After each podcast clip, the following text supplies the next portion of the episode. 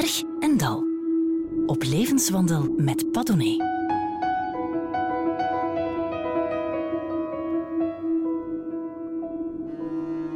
Lise Spits schreef met Het Smelt het best verkochte Vlaamse naoorlogse debuut. Meer dan 200.000 boeken. Ze schreef een tweede succesvolle Ik ben er niet. Een normaal mens geniet daarvan. Niet zo Lise Spit. In haar hoofd speelt voortdurend hetzelfde liedje. Ik kan het niet, ik kan het niet, wiede, wiede, wiet.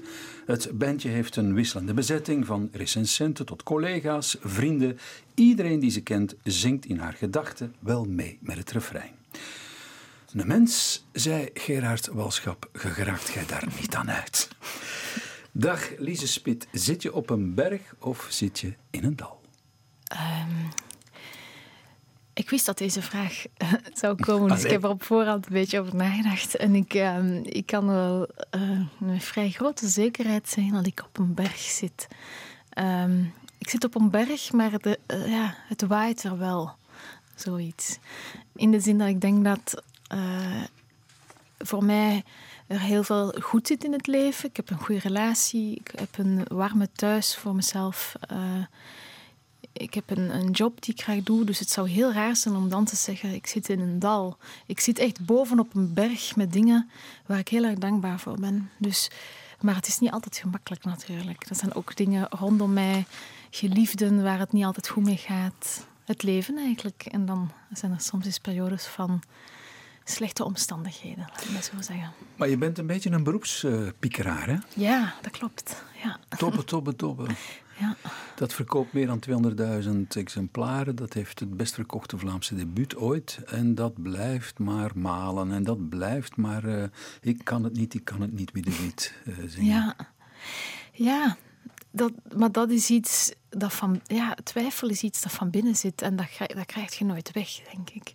Je kunt zoveel bevestiging krijgen als je wilt. Maar als je diep van binnen toch een soort van op wankel zand staat... dan maakt het niet zo heel veel verschil. Dus um, ja, ik weet niet, als, als mijn eerste boek nu echt een flop was geweest en door iedereen gekraakt, had ik, had ik het ook niet, had ik ook getwijfeld. Nu twijfel ik misschien op een iets andere manier of zo, maar het is nooit dat ik denk, ik kan het en uh, doe al die deuren maar open voor mij, want hier ben ik of zo. Zo, zo, zie, zo zie ik het, Allee, zo voel ik het niet. Heeft dat mee te maken dat je ouders uh, eigenlijk ook het onderste uit de kan voor hun dochter wilden halen? Ja, mijn ouders waren wel... Um, uh, hoe moet ik het zeggen? Die waren wel streng. Of, of gingen niet heel vaak benadrukken wat er uh, goed was, denk ik. Als je nu met een rapport naar huis kwam, daar zaten een paar uh, behoorlijke goede cijfers tussen, maar ook een zwakker. Dat gebeurt toch? Gaan ze dan eerst naar dat zwakke kijken? Mm, Cijfer? Ja, ik denk het wel dat ze vrij streng waren. Ze hebben wel altijd alle vrijheid gegeven om, te allee, om mijn hart te volgen en te doen wat, wat, wat, wat ik, wat ik wilde. Maar uh, ik heb zelfs als ik, als ik een. Um, als ik bijvoorbeeld een lezing geef en, en mijn moeder zit in het publiek, die kan wel heel streng zijn, stuurt ze heel vaak achteraf iets. Uh, zoiets van, of voor kleren had je nu aan, of uh, iets negatiefs. En ik heb eens één keer gehad dat ik een lezing gaf voor de Borla en dat ze later een berichtje stuurde met iets positiefs en dat ik echt dacht, oei, er is iets... Of dat is van iemand was, anders. Nee, dat niet per se, maar ik dacht, dat, meer dat ik dacht, er is iets fouts gegaan of zo. Het, het was in de zaal, voelde dat het niet goed was en ze dacht, ik moet daar een hart onder de riem steken. Dus... Um, ja, een beetje, een beetje zo voeten op de grond houden, dan wel echt. Oh, je komt uit een klein dorpje. Ja. Um, hoe heet het in... Um, het smelt. Uh, bovenmeer. Bovenmeer, ja. ja. Bovenmeer. Een boerendorp Bovenmeer. Ja. Was het een boeren, of is het een boerendorp? Het is een boerendorp, ja. Met uh, twee grote, allee, toen nog twee boerderijen waar alles omheen gebouwd was, bij wijze van spreken. Een kerkje in het midden en iets van een uh, duizend inwoners, dus echt heel klein. En hoe heet het echt? Viersel. Oh, Viersel. Ja. ja, ja, ja, natuurlijk. Ja, ik had laatst een mailtje van een dorpeling die zei: Je moet een keer de naam van het dorpje met trots uitspreken, want je doet altijd zo fictieve bovenmeer. Um, durf staan achter je afkomst. Dus ja, Viersel. Ik zeg het, Viersel. Viersel. Ja. Je komt uit Viersel. Um, ja, dat is inderdaad een gat. Um, dan kan ik me inbeelden dat dat, dat tamelijk beschermd was, je jeugd. Beschermd? Goh. Nee. Nee. ja, dat dorpje, dat is wel je, groeit op een piepklein dorp, maar de, de, de spanningen in zo'n dorp of de. Of de ehm, je hebt minder het gevoel dat je anoniem bent. In een stad zit je anoniem. Je kent je soms je eigen buren niet per se of zo. Maar in een dorp heb je het gevoel dat je elkaar allemaal kent. Maar in wezen kent je elkaar ook maar in een bepaald soort van. Uh, ja, de mal die je van elkaar gemaakt hebt of zo. Ik, ik had, um, het is wel zo dat ik um, voor mijn boek um, heb gebruikt van het dorp wat ik nodig had om die grimmige sfeer te, te zetten. En ik ben wel opgegroeid in een dorp waar er een heel groot gemeenschapsgevoel was, wat daar eigenlijk vooral zich uitte in de, in de jeugdbeweging. En die jeugdbeweging was een soort van extra gezin voor alle gezinnen in het dorp. En ik heb me heel vaak afgevraagd, als, als die er niet was, hoe zouden heel veel van, van mijn vrienden en ikzelf dan opgegroeid zijn? Ik zat daar heel vaak, dat was echt een hechte club. Um, ja, You need a village to raise a child. Hè? Mhm. Dat was bij ons echt het geval met die jeugdbeweging. Daar heb ik nooit in het boek... Ik dacht, als ik in het smelt die jeugdbeweging introduceer, dan is dit boek een totaal ander boek. Want dan zouden die kinderen zo niet ontsporen. Dus...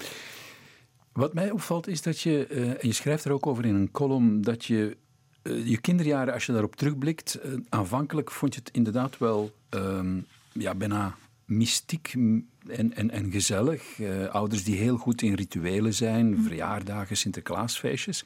Maar op een bepaald moment begin je te realiseren dat het allemaal, en dat merk je dan ook in je broeierige romans, dat het helemaal niet zo'n koek en ijs bijvoorbeeld tussen je ouders.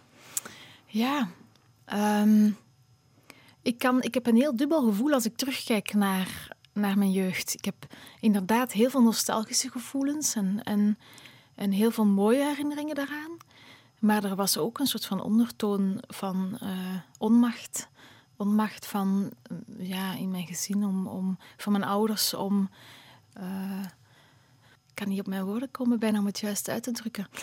Um, ja, een onmacht van mij als kind om voor hun geluk te zorgen en een onmacht van zichzelf om uh, het conflict uit de weg te gaan en, en, en op het juiste pad te blijven misschien hier en daar. Dus het is iets dubbel, maar die twee kunnen ook perfect naast elkaar bestaan, natuurlijk. Maar je had ook angst om door je ouders eh, te worden verlaten. Hoe kwam dat dan? Um, ja. Er was bij mij thuis heel vaak alcohol, alcohol in het spel. En als je als kind je ouder een andere weg ziet nemen dan de weg van je blijft bij mij letterlijk. Je zit aan tafel en je zijt er helemaal. Als dat keer op keer als er keer op keer wordt vertrokken, om het zo maar te zeggen, dan ehm, denk ik dat je vanzelf iets krijgt. Een soort van gevoel van ben ik wel genoeg uh, om voor te blijven. En ik worstel daar eigenlijk nu als volwassene nog heel erg mee. Eh, ook al kan ik dat niet 100, allee, 100% aanduiden van en zo is dat ontstaan en daar is dat ontstaan, maar heel veel van de dingen die ik nu doe en van de paniek die ik voel als volwassene zijn daarop gebouwd. Op, op de angst van mensen om me heen. Um,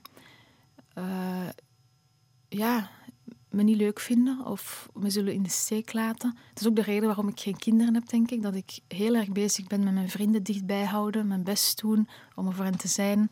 En ik heb heel veel schrik als ik zelf een gezin begin, dat het dan soort van het begin van het einde is. Van we laten elkaar los of zo. Dus ik, ik ben een beetje aan het zoeken. Uh, en het is goed dat ik naar andere woorden kan brengen dat dat eigenlijk verlatingsangst is. En, eigenlijk is het ja, een, structurele verlatingsangst bijna, die je heel je leven mee uh, al hebt genomen. Ja, ja, ja. En dat gaat dan uit zichzelf in, om maar iets te zeggen, een slechte recensie, daaruit diezelfde angst zich in. Dan is dan niet dat ik denk, oeh, een recensent verlaat mij. Want zo zit dat niet. Dat gaat puur om het feit dat je schrik hebt niet te voldoen. Niet genoeg te zijn voor iemand om te blijven. En, en daarop anticiperen door je best te doen of beter te proberen zijn. Of, uh, uh, ja. Je bent ook niet te beroerd om uh, te zeggen dat je ook in je jeugd aan depressies leed. Ja, klopt. Uh, ik, ben, ik ben gelukkig en tegelijkertijd heel zwaar. Uh, zwaar, zwaar gelukkig. Zwaar, zwaarmoed, zwaarmoedig gelukkig, om het zo maar te zeggen. Ik kan heel dankbaar zijn voor wat er is, maar ik heb... Um, ja, dat is raar, omdat je op een bepaald moment, als je, ik ben nu 33, dat je begint een patroon te zien in dingen. En ik had de afgelopen jaar dat ik ineens besefte, ah ja, misschien leid ik wel aan, aan depressies en gaat dat iets zijn waar ik de rest van mijn leven uh, mee worstel, aangezien ik al drie keer in behandeling ben geweest voor een depressie. En de eerste keer denk je van ja, dit, dit is een eenmalig ding. Ik heb een reactie op iets, maar als het opnieuw gebeurt, dan denk je, oei, nu begint er zich een patroon af te tekenen. Dus ik heb periodes dat het moeilijk gaat en dat ik uitgeput geraak door de hoeveelheid gepieker en dat ik hulp nodig heb door medicatie of zo. En als ik dan er weer wat bovenop ben, dan kan ik dat weer afbouwen. En, en nu doe ik het een, een, jaar op mezelf al, dus zonder medicatie. En dat lukt tot nog toe vrij goed. Maar ja, als er iets gebeurt wat mij uit evenwicht trekt of zo, kan dat soms iets te veel worden. En dan dan heb ik hulp nodig daarbij. Maar dat is, om duidelijk te zijn, heel wat anders dan ik ben even depri of ik ben neerslachtig. Voor jou lijkt het te gaan over een chronisch klinische depressie. Ja, ja. Ja, het is niet dat ik denk ik heb een dipje of een tegenslag. Precies, je, ja. zit, je niet een uh, zelfgenoegzame schrijfster die, uh, omdat ze toevallig een slechte recensie krijgt, ineens uh, een zak heeft. Nee, daar gaat nee, het niet om. Nee, het gaat om een manier van, van kijken. En um, bij een depressie heb je een soort van magneet die alles aantrekt aan de onderkant van het spectrum. En um, ik kan door Brussel lopen op momenten dat ik uh, een depressie heb en alleen maar het negatieve zien. En die stad um, wordt dan bijna onderdeel van ja, de ziekte, om het zo maar te zeggen. En je zou bijna binnen blijven, puur om niet alles aan u aan te, niet alles aan te trekken. Uh, van het negatieve ook. Dus het, het is, soms zeg ik, omschrijf ik het als een schimmel in mijn hoofd die mij niet meer in staat stelt om het goede te zien. En ik vind dat echt verschrikkelijk. Maar kun je voor hetzelfde geld ook door Brussel lopen? Bijvoorbeeld langs de woonboten die daar in je buurt uh, zitten. En, en de schoonheid ontdekken van uh, de constructie van een woonboot, de bomen, de silhouetten? Kan ja, dat ja, net zo? Dat kan, ja, dat kan net zo op goede dagen of in goede periodes. Ik heb dus nu een paar maanden een hele goede periode. Ja, kan ik, kan ik ontzettend genieten van de dingen die ik zie. En dat doe ik ook als ik me niet goed voel. Bijvoorbeeld twee jaar geleden had ik een tijd lang um, ja, het wat lastiger. En dan, en dan kan ik proberen mij een weg naar boven te praten door te zeggen: kijk hoe mooi gebouw, kijk hoe prachtig die bomen. Oh, en die boten liggen hier zo mooi op het kanaal van Anderlecht. En dan zeg ik dat de hele tijd hardop, alsof ik mezelf probeer te overtuigen of zo. Um, tegen de mensen met wie ik wandel of zo. En dan wringt dat wel een beetje, want diep van binnen eh, pikt, u, pikt uw geest de andere dingen op. En het, het, ik weet dat het goed gaat als wat ik voor mezelf hou en wat ik uitspreek dicht bij elkaar ligt. Dat, dat die schoonheid van de dingen die ik, die, die aan met anderen deel, ook hetgeen is wat ik van binnen voel. Ik heb met nogal wat uh, psychiaters over depressies gesproken. En uh, als er nu iets is waar ze het over eens zijn, dan zeggen ze dat dat ook wel genetisch gerelateerd is. Ja. Zit het bij jou in de familie, uh, ouders bijvoorbeeld? ja. Grootouders? Ja, ja. Mijn moeder worstelt ook heel vaak met depressie. Ja. Dus ik heb dat van kleins af aan gezien ook. Um, wat dat doet met iemand. En mhm. die worsteling ook gezien. Um, dus ja, ik weet wel waar het vandaan komt. Um, en ja, dat helpt natuurlijk niet om, om, om voor mezelf te denken. Dan, dan, ja, het feit dat je het begrijpt, geeft je, geeft je nog niet de macht in handen om er iets aan te veranderen. Maar ja, goed, ja. Het is. Uh, denk ik wel. Maar daar valt ook wel wat te lachen in je boeken, hè? Bedoel, ja, ja nee, nu is het, het gaat hier heel erg de zware ja, toe op, wat ik prima vind. Maar voor mij is um, humor is het allerbelangrijkste. Verbeelding en humor zijn voor mij de twee sleutelwoorden, denk ik, van, van, van mijn bestaan. Misschien Moet je niet bestaan, eigenlijk heel veel verbeelding hebben om uh, humoristisch te zijn? Ja. ja, ik denk het wel. Dat je... Uh, ja, humor is heel vaak een, om, een omwegje nemen in taal. Voor mij um, iets opzoeken of iets formuleren op een manier die, waarbij je al nadenkt over de ander. Niet wat wil ik zeggen, maar hoe gaat de ander dit... Um, ja, het is spelen met, met conventies en het is, het is omwegjes zoeken. En, goh, ik denk ook het is jezelf niet al te serieus nemen vaak. En dat helpt ook wel af en toe. En ik denk dat je daar uh, tamelijk goed in slaagt. Fijn om te horen. Dat denk ik wel, ja. Je hebt, uh, dat mag iedereen hier uh, boeken meebrengen. Natuurlijk, een schrijfster doet dat sowieso. Ik denk dat je dat schatplichtig bent aan uh, wie je bent en uh, hoe je bent geworden wie je bent. Dat zal ook wel te maken hebben met wat je hebt gelezen. K. Michel. Dat is een um, dichter die hier um, ja, ten onzen, zal ik het maar zeggen, um, tamelijk onbekend is. Ja, ja, klopt. En ik ben een grote fan van zijn werk. Er is net een verzamelbundel van hem verschenen die ik heb gekregen voor kerstmis. Um, oh. hij, heeft, hij heeft humorist, hij, hij, schrijft met ontzettend veel humor en heel vrij.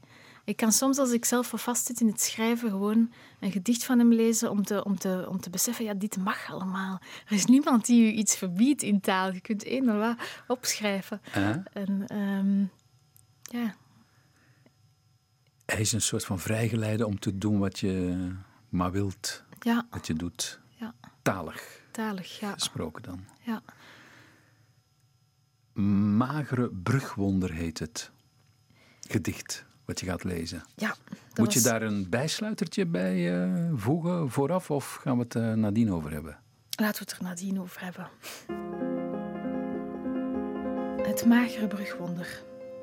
De eerste twee boten passeerden vlot, maar de derde was een diep geladen aak, die zo traag naderde dat, cadeau karing, pasta, room, boontjes, loodgieterbellen. Plotseling doemt de aak dichtbij op en zie ik dat hij geheel gevuld is met water dat in springerige golfjes uit het donkere ruim over de boorden stroomt. Boven de wachtende mensen is de moeheid van de werkdag uitgegroeid tot een bijna zichtbare tros tekstballonnen. Verwikkeld in gedachten en beslommeringen zien we niet dat uit de aak al het water van de Amstel opwelt. Incognito drijft de bron van de rivier voorbij. K. Michel, eh, zo eh, heet de dichter van deze Het Magere Brugwonder. Lise Spit, je las het voor. Um, waarom, wil je het, uh, waarom heb je het voorgelezen? Dit Om, omdat het voor mij een scène beschrijft die heel herkenbaar is. Het, het, het aller allerdagelijkste. Je zit in je hoofd je boodschappenlijstje te repeteren op weg naar een supermarkt.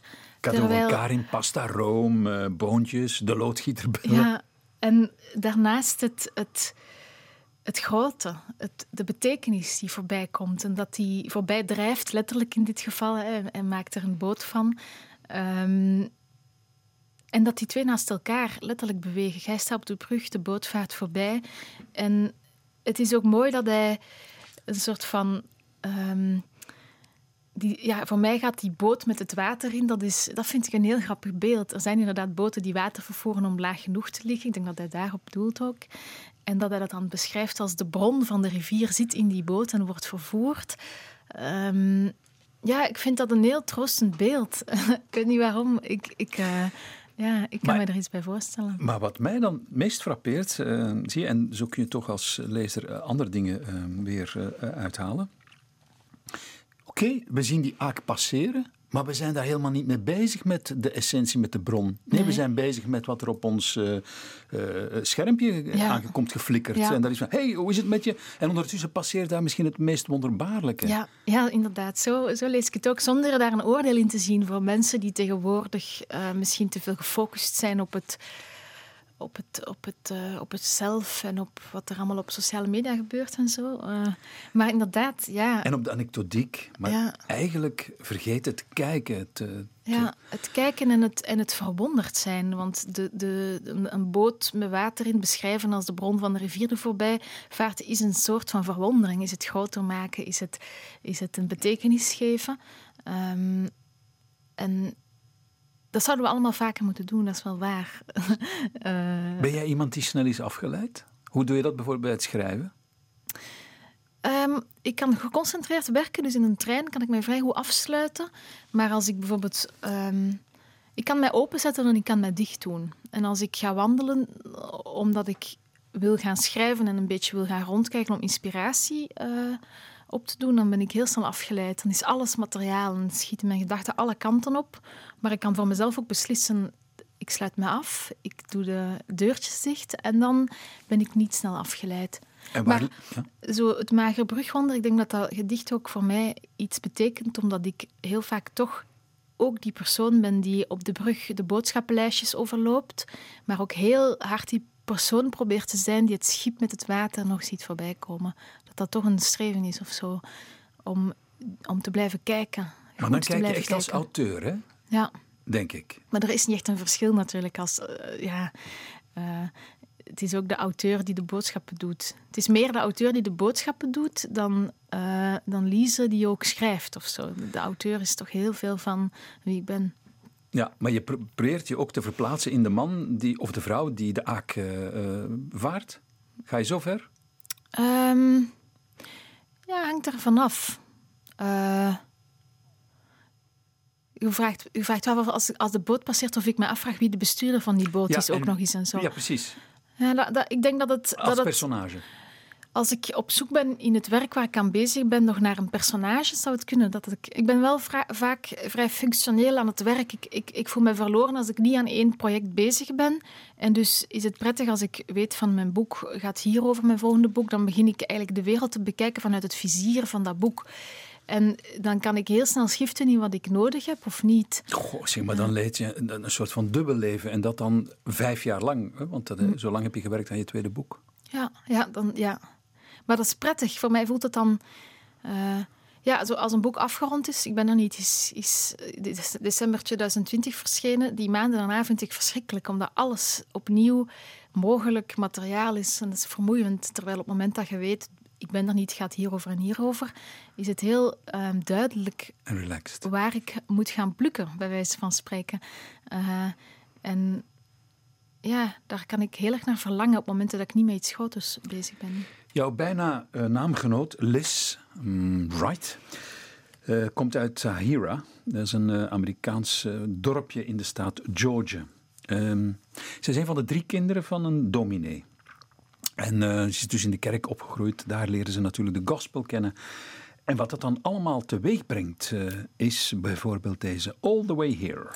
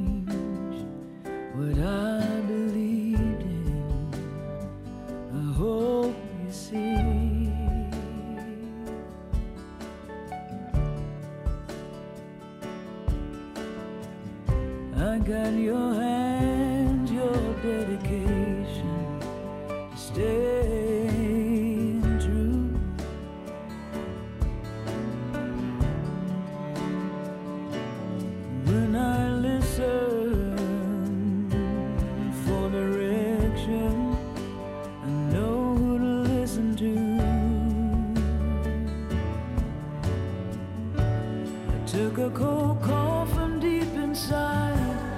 The voice was sweet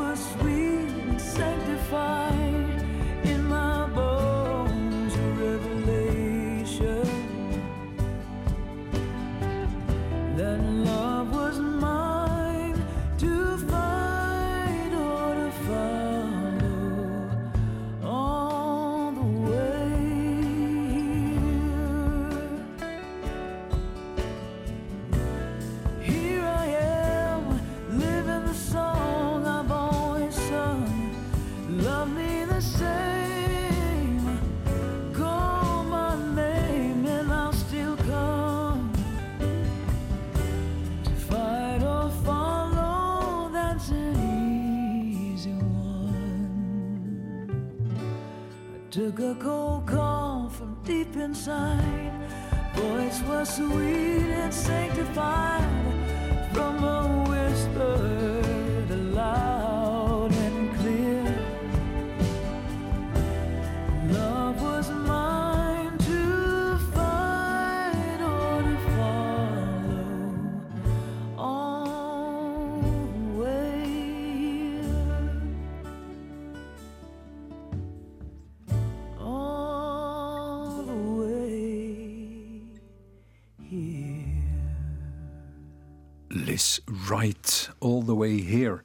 mij zit Lise Spit, auteur, succesauteur mag ik wel zeggen. Konden we jou bekoren? Ja, mooi. Ja? Ja. vond ik ook. Je schrijft, zegt je, eh, en daardoor ben ik, als ik schrijf, nooit eenzaam. Ja. Het schrijven is een beetje een imaginaire vriend, dus. ja, zeker en vast. Hoe moet ik me dat voorstellen? Ehm, iets wat er altijd is. Iemand die er altijd is bijna. Want het, het is eh, iets dat... dat goh ja, het, het, het geeft de, de, de mogelijkheid om op meerdere plaatsen tegelijkertijd te zijn. Waardoor waar je dan zelf op een bepaald moment zijt iets, er iets minder toe doet of zo. Of de spanning kan wel wegvloeien naar andere plaatsen. En het geeft ook ehm, ja, een gevoel van macht, eh, wat handig is om de onmacht te verdrijven op sommige momenten. Je kunt iets, iets beleven en op hetzelfde moment denken, hier kan ik dan wel nog iets mee, als het toch ook pijnlijk is of zo. Zelfs bij verveling in een wachtzaal denk ik, ik kan hier een half uur moeten wachten, maar dat is eigenlijk prima. Dus het is echt ook een manier om, om elke negativiteit tot iets functioneel te, te, te maken of zo. Maar het lijkt op een soort van ongevaarlijk escapisme. Ja, ja, dat is een mooie omschrijving. Ongevaarlijk escapisme. Ja. Ik denk mensen die het in zich hebben om te scheppen, of ze nu muzikant zijn, schrijver, kunstenaar, ehm, ja, die, die boffen, denk ik. Ik zie dat als een groot geschenk dat ik dat in mij heb om, om mij iets te verbeelden en daar ook tijdelijk heen te kunnen. Ehm, dus ja, escapisme inderdaad. Verbeelding, oké, en je schept je eigen wereldje. Op die manier word je een beetje beter dan God natuurlijk. Ja. Maar nemen we nu eens even het wereldje van je meest recente boek, Ik ben er niet. Ja. Ehm, beschrijft de worsteling van Leo, een, een, een jonge vrouw, een winkelmedewerkster eh, in Brussel, die alle houvast die ze de afgelopen jaar heeft opgebouwd kwijtraakt. Als haar steun en toeverlaat Simon s'nachts thuiskomt met een tattoo op zijn oor. En dan zie je heel die roman, heel dat verhaal kantelen. En wordt eh, ja, zowel Simon als eh, Leo eigenlijk overgeleverd aan een soort van desintegratieproces. Hè? Ja, klopt. Ik heb, ik heb een koppel eh, geschetst in die roman die heel erg ehm, op elkaar steunen of, of tegen elkaar aanleunen eigenlijk. En getoond hoe het diepe vertrouwen en de diepe band die je kunt hebben ook wel kan ja, onder druk om te staan als een van die twee zichzelf niet meer is. Simon eh, leidt aan manische depressies, blijkt dan later in het boek, wordt daar ook voor behandeld en opgenomen. Maar oh, ja, op het moment dat zo'n geestesziekte zich voltrekt en helemaal tot ontwikkeling komt, vervreemden die twee mensen wel van elkaar. Ehm, en dat heb ik proberen heel gedetailleerd en nauwgezet te beschrijven in deze roman. Maar je zit zo dicht op de huid van je personages, Lise Spit. En Simon blijkt inderdaad aan een bipolaire stoornis te lijden, of manisch depressief. Dat het bijna niet anders kan dat ik als lezer zeg van, maar die heeft dat meegemaakt. Ja, dat klopt. Ik heb, ik heb een, eh, een relatie gehad, twaalf jaar lang, met een jongen die ehm, na een paar jaar dat we in die relatie zaten, eh, ja, hogere en lagere, eh, hoge pieken, hoge bergen en diepe dalen begon te krijgen en uiteindelijk ook ja, opgenomen werd. En het is een roman, ik heb, ik heb er een roman van gemaakt om, om ook wel ehm, die partner van mij te beschermen natuurlijk tegen juist die macht die ik als schrijver heb. Maar het is wel iets dat ik ja, in detail heb, heb, heb ervaren en ook heb ervaren hoe zoiets een, een, een weerslag heeft op een, op een liefdesrelatie die ook op vertrouwen steunt. En Uh, als iemand anders onherkenbaar verandert, ja, heeft dat wel een weerslag ook op dat vertrouwen. Maar hij gaat zich heel vreemd gedragen, Simon. Ja. Uh, zeker nadat hij een heftige uh, ja, psychotische aanval heeft gekregen, wordt opgenomen. Dat zijn scènes die ik neem aan, je echt meegemaakt hebt? Um, ja, deels, deels. Ik heb ook wel voor de roman, uh, ik heb research gedaan met andere, ik heb met veel dokters gesproken, met andere patiënten gesproken en er zijn bepaalde elementen in de roman natuurlijk die, die mij niet overkomen zijn of op een andere manier overkomen zijn.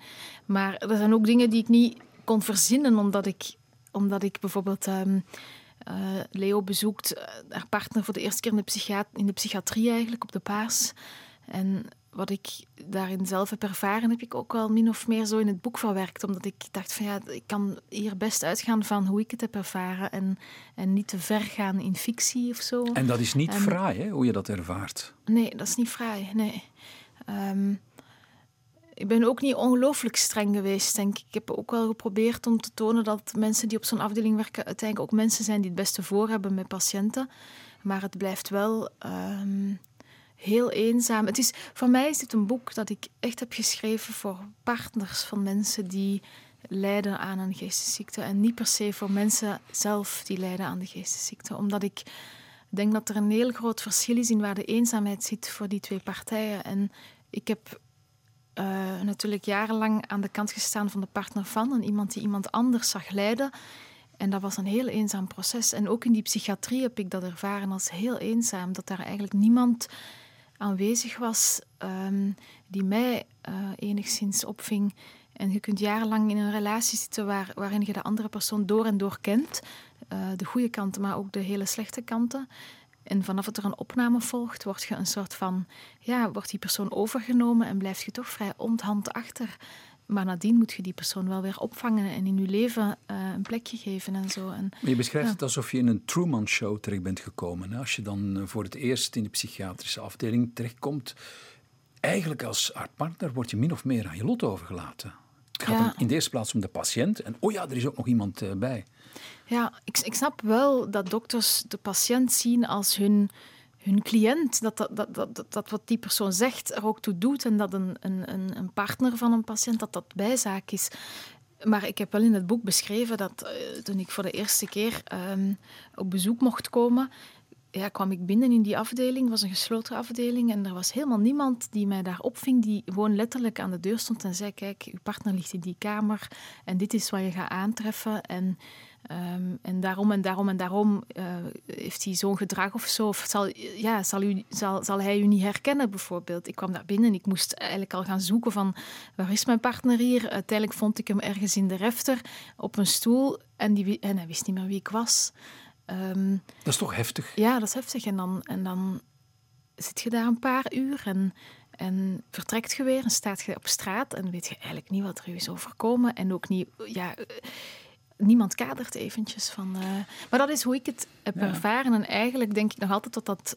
Ja, ik heb nooit daarna een brief geschreven aan het ziekenhuis om te zeggen van ik had dit heel graag anders gewild. Maar ik kan me voorstellen dat er ook afdelingen zijn waarop het anders is. Het is niet algemene klacht. Ik denk dat dit een heel persoonlijk, iets persoonlijks was, maar het is zo wel gebeurd en ik heb het daarom ook zo in, in de roman opgeschreven. Maar leg mij eens uit hoe je dat twaalf jaar lang kunt volhouden met iemand, laten we duidelijk zijn, die op een bepaald moment uh, leidt aan uh, grootheidswaanzin, achterdocht, vooral heel erg achterdochtig wordt, uh, ook, ook waanbeelden krijgt, jou niet meer herkent als zijn partner, maar als iets, iets een, een, een, bedreigend soort wezen. Hoe hou je dat vol twaalf jaar lang?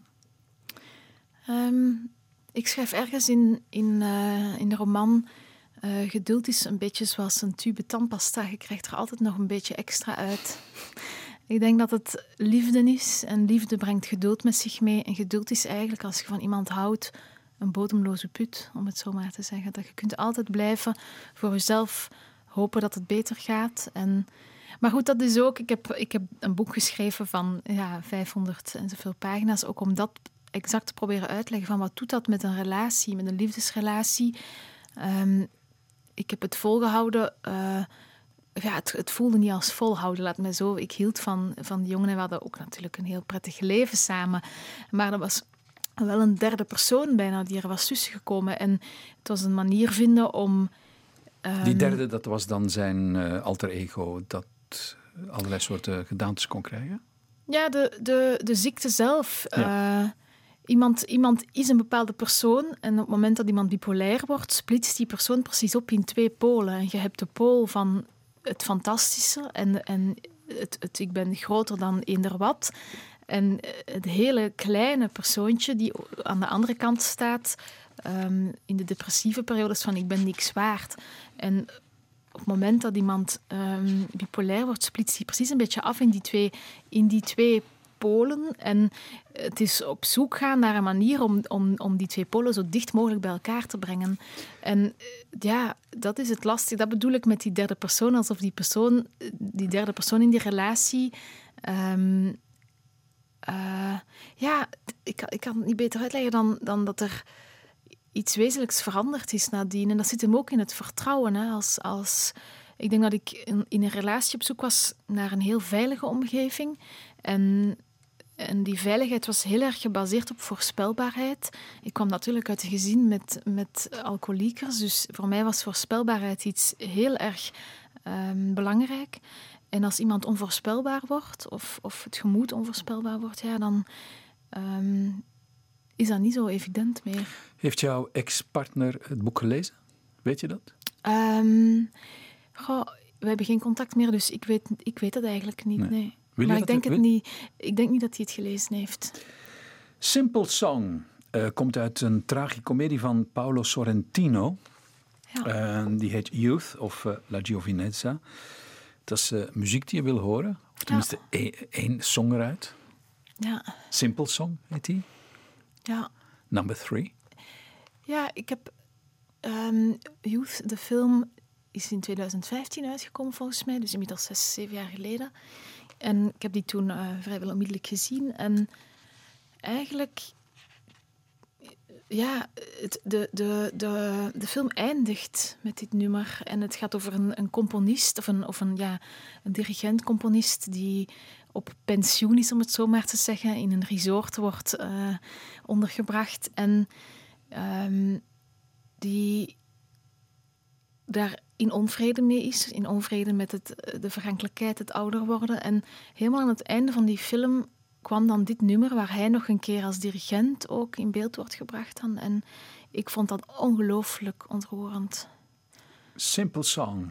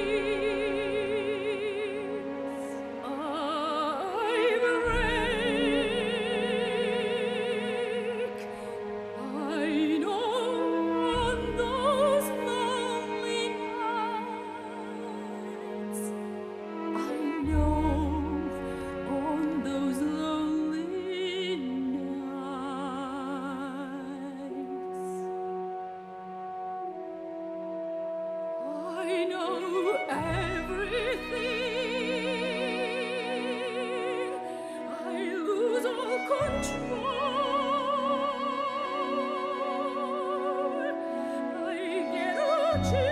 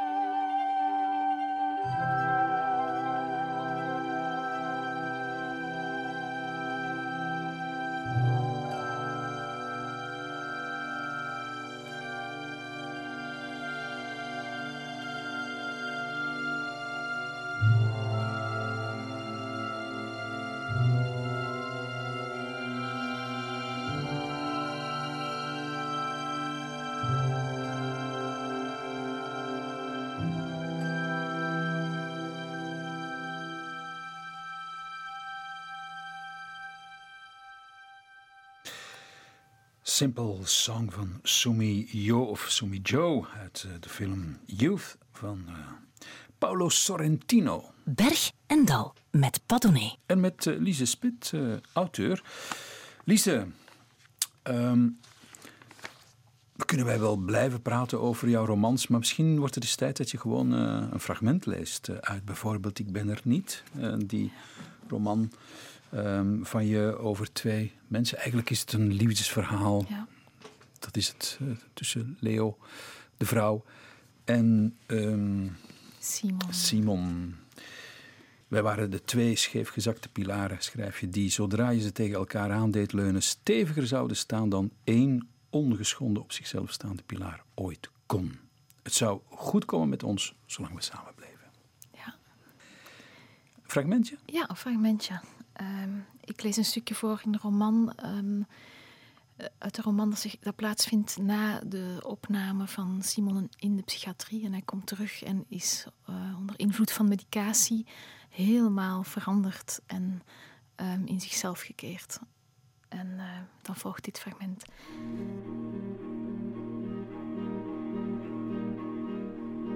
...21 december 2018. We aten steeds vaker in stilte. Hij schrokkend, ik traag slikkend. Wanneer Simon zijn mond voor een nieuwe hap wijd opensperde, kon ik de leegte haast zien zitten. De waardeloosheid zat in alles wat hij uitstraalde, in zijn zweet, in zijn ogen.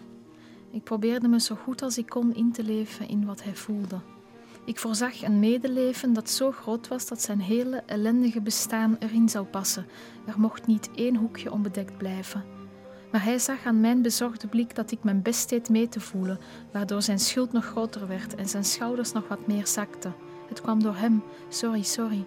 En dan voelde ik me extra schuldig omdat ik zag dat hij er zich schuldig om voelde. Enzovoort enzovoort. We waren als een luidspreker en een microfoon die te dicht bij elkaar stonden. We versterkten elkaar tot er niets anders weer klonk dan een alles overstemmende piep.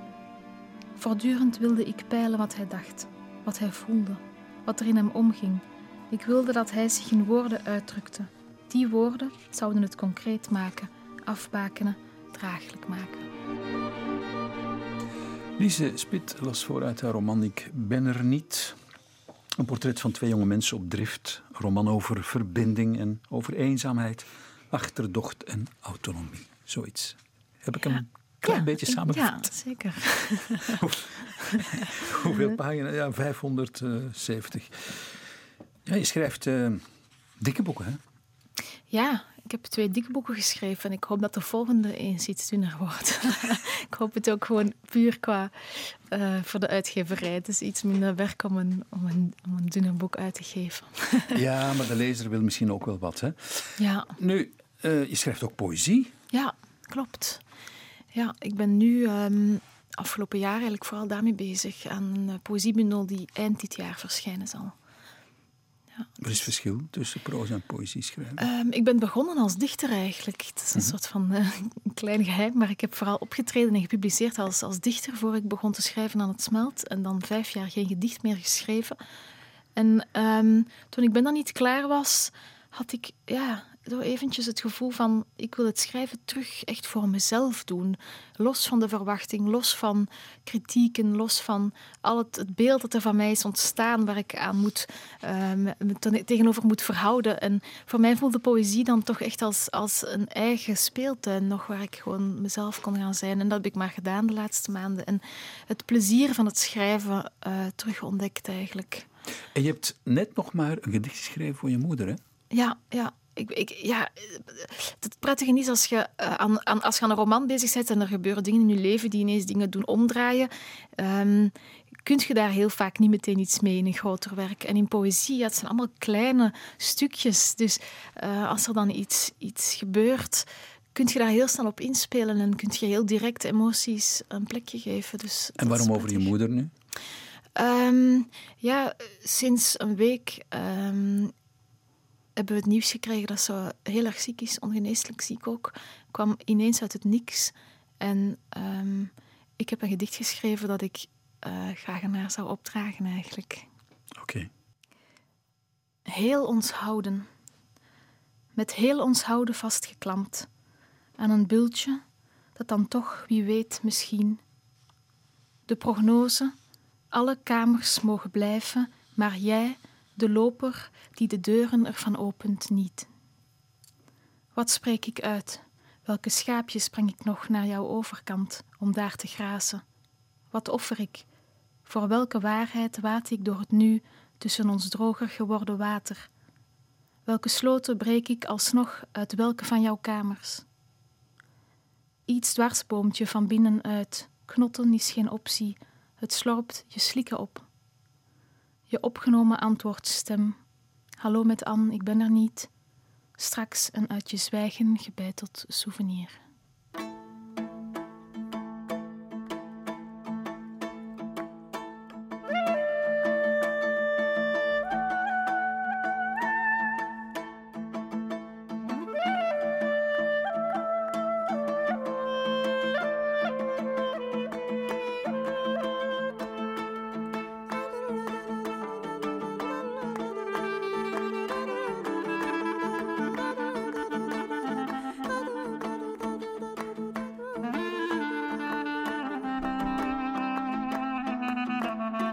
Haydi gidelim haydi nane nane oy oy. Haydi nane oy oy oy.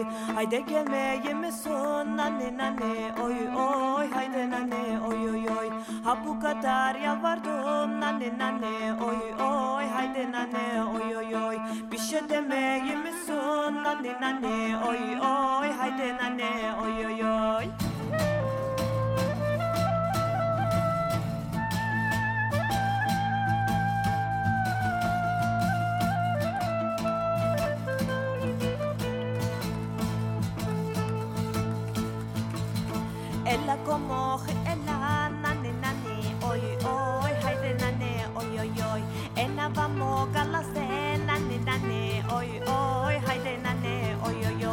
coca la coca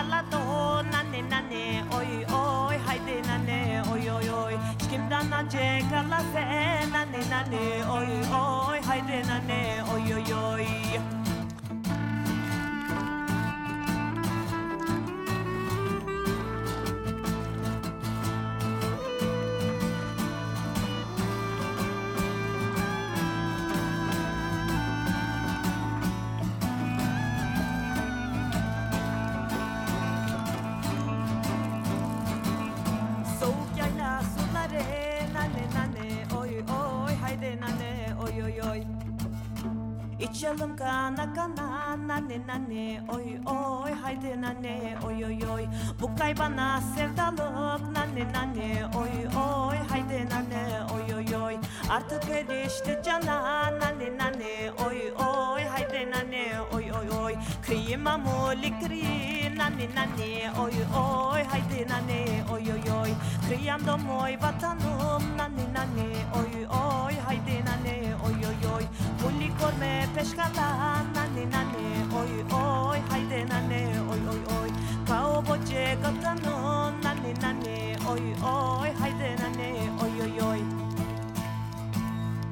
De keuze van Clara Nane Nane Oi met George Domitrio Sanem Kalfa en onze Joachim Badenhorst. Lise Spit, auteur, zit heel even nog bij mij. Lise, wat is jouw credo? Mijn credo. Het is een vraag die mij een beetje overvalt, dus ik heb niet echt meteen een citaat klaar. Maar ik denk als ik voor mezelf moet eh, kijken, wat is mijn credo, dan zou ik zeggen...